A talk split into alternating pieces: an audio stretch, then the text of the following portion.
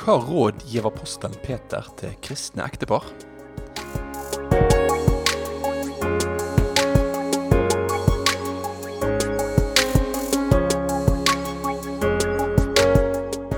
Velkommen til et eh, nytt program av Ord til liv med radio- og TV-pastor Ingvald Kårbø. Podkasten er produsert av P7 Kristen Riksradio, som vil forkynne Jesus Kristus, slik at varig frukt skapes. Vi er takknemlige for alle våre støttespillere.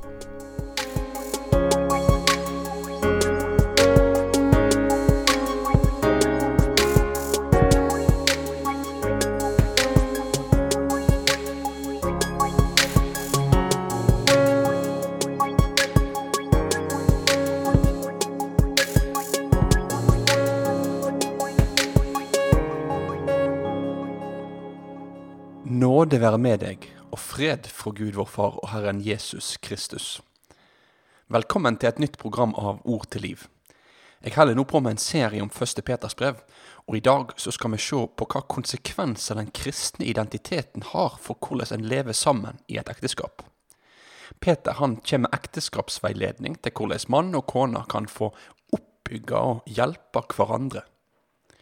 Selv om denne teksten her er skreven inn i ei anna tid, der òg familielivet så ganske annerledes ut, så er jeg overbevist om at denne teksten er aktuell for oss i dag òg. For selv om tidene endrer seg, så uttrykker teksten like fullt Guds vilje for hvordan en skal leve sammen som ektefelle. Men jeg tror det kan være nyttig for oss før vi går til teksten, å ta et lite blikk på hvordan ekteskapet ble forstått i antikken, sånn at vi kan forhindre eventuelle misforståelser. I den eh, gresk-romerske kulturen så har det vært en tydelig forskjell på hvordan en så på menn og kvinner i ekteskapet. For eksempel så ser det ut til at det var vanlig at kvinner ikke kunne instrueres direkte når de var gift, men de skulle instrueres gjennom mannen. Og Grunnen til dette her, det var at en tenkte at kvinner hadde sine mangler. Og I tillegg så ser det ut til at eh, det har vært en tydelig forventning om at kvinna sitt sosiale nettverk og sin religion skulle være knyttet opp mot mann. Det var egentlig helt uhørt at hun skulle tilbe andre guder enn mannen. Og Dette tegner dermed et bilde av et ekteskap der kvinna nærmest var mannen sin eiendel. Og med dette bakteppet så kan vi nå bevege oss inn i dagens tekst, der vi skal se hva Peter skriver til menn og kvinner i ekteskapet. For selv om Peter synliggjør forskjellen mellom menn og kvinner i ekteskapet, så kan vi se at han har en helt annen forståelse enn samtida i disse spørsmålene.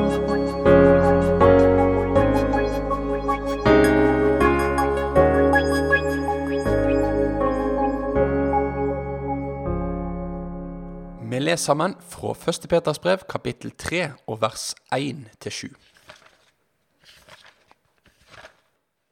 På samme måte skal det kvinner være mennene dykkar underordna.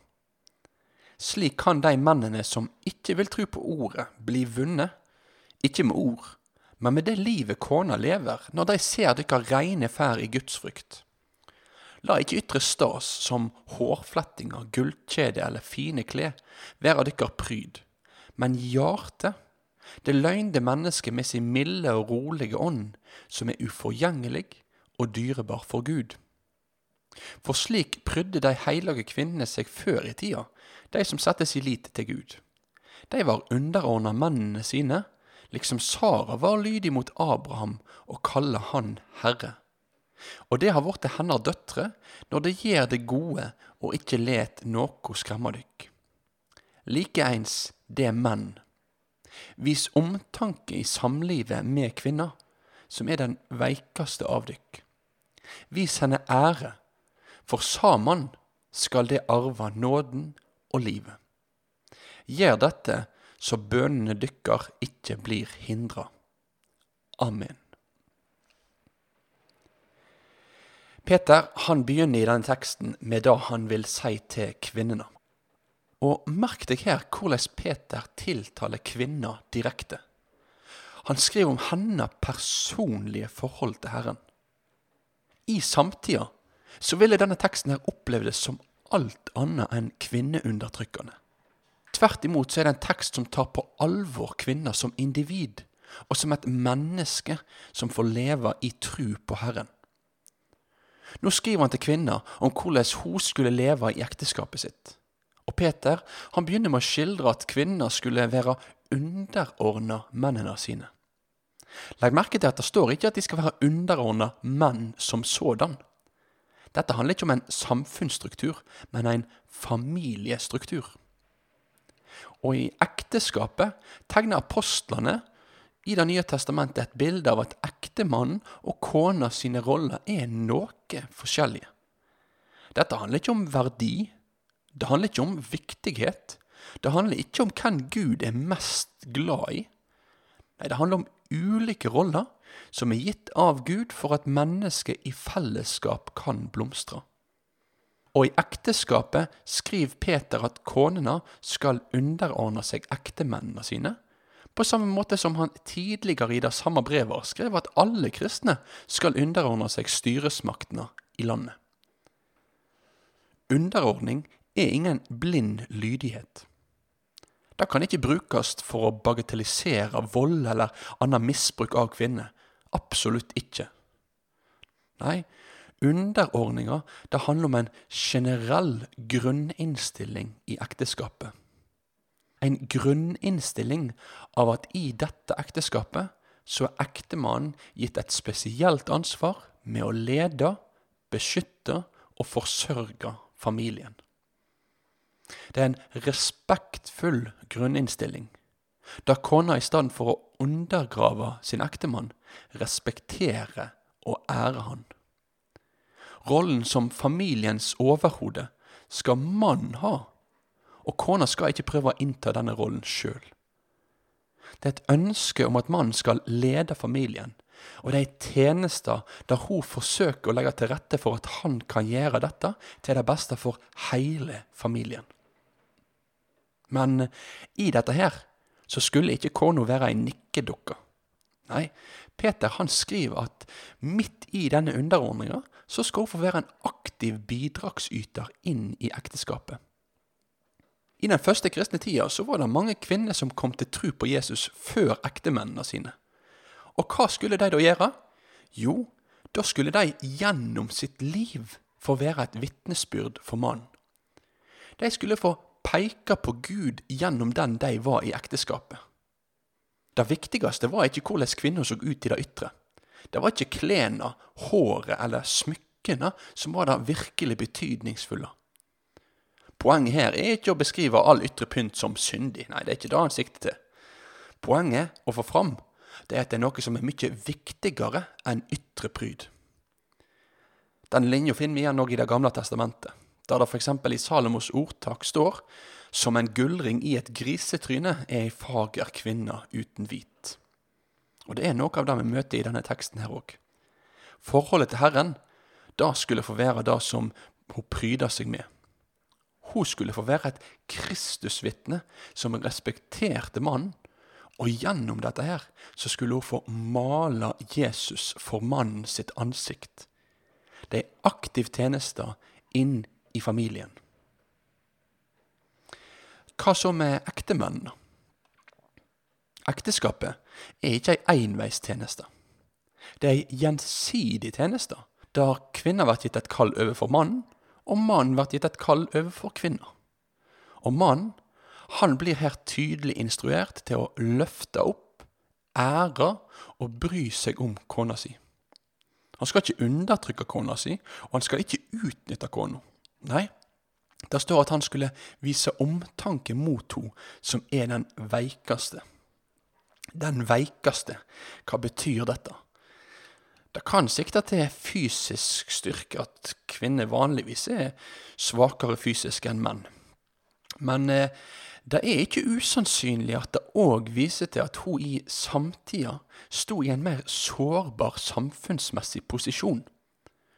Mannen han kunne ha brukt sin posisjon til å utnytte kvinner pga. sin makt og sin status.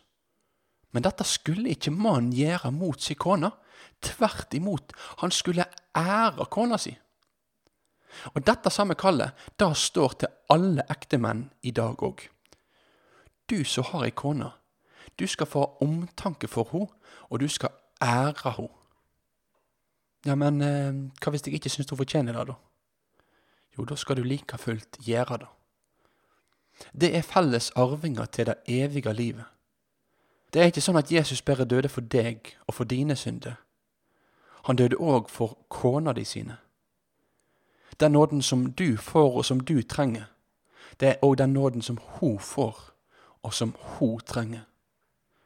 Så vis hun òg nåde, omtanke og omsorg i samlivet, sånn som Jesus viser hun nåde, omtanke og omsorg.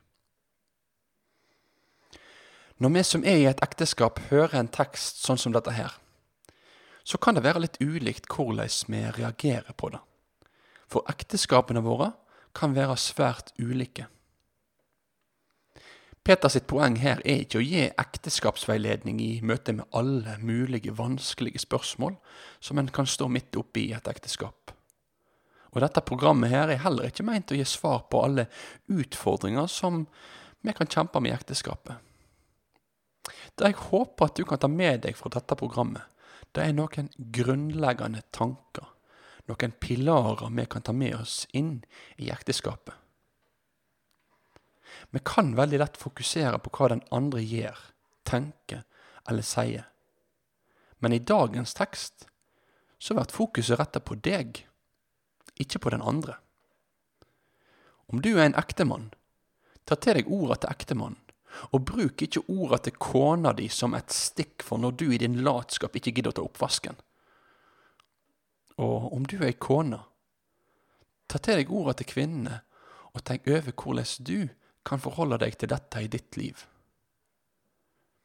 Ingen ekteskap er fullkomne, for da de består av to høgst ufullkomne ektefeller. Men i denne teksten så blir mann og kvinne kalla inn i en holdning overfor hverandre som har som siktemål å være til hjelp for den andre personen i deres forhold til Jesus.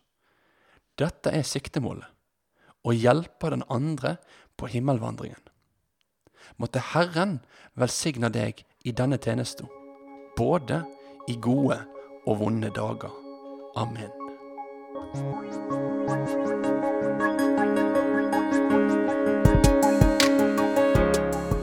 for at du hørte på Ord til liv med radio- og TV-pastor Ingvald Kårbe. Vi håper at podkasten har fått vært til velsignelse for deg. Og Har du tilbakemeldinger på det du har hørt, ta gjerne kontakt med oss på otl krøllalfa p7.no. P7 Kristen Riksradio ønsker med sine produksjoner å gi evangeliefokusert bibelundervisning til folket. Du finner mer godt innhold på p7.no. P7 Kristen Riksradio er takknemlig for alle som støtter kanalen, både gjennom bønn og givertjeneste. Om du vil være med og legge til rette for P7s framtidige drift, så er vi takknemlig for din støtte. Vips da gjerne allerede nå på nummer 5477767. Takk for din støtte.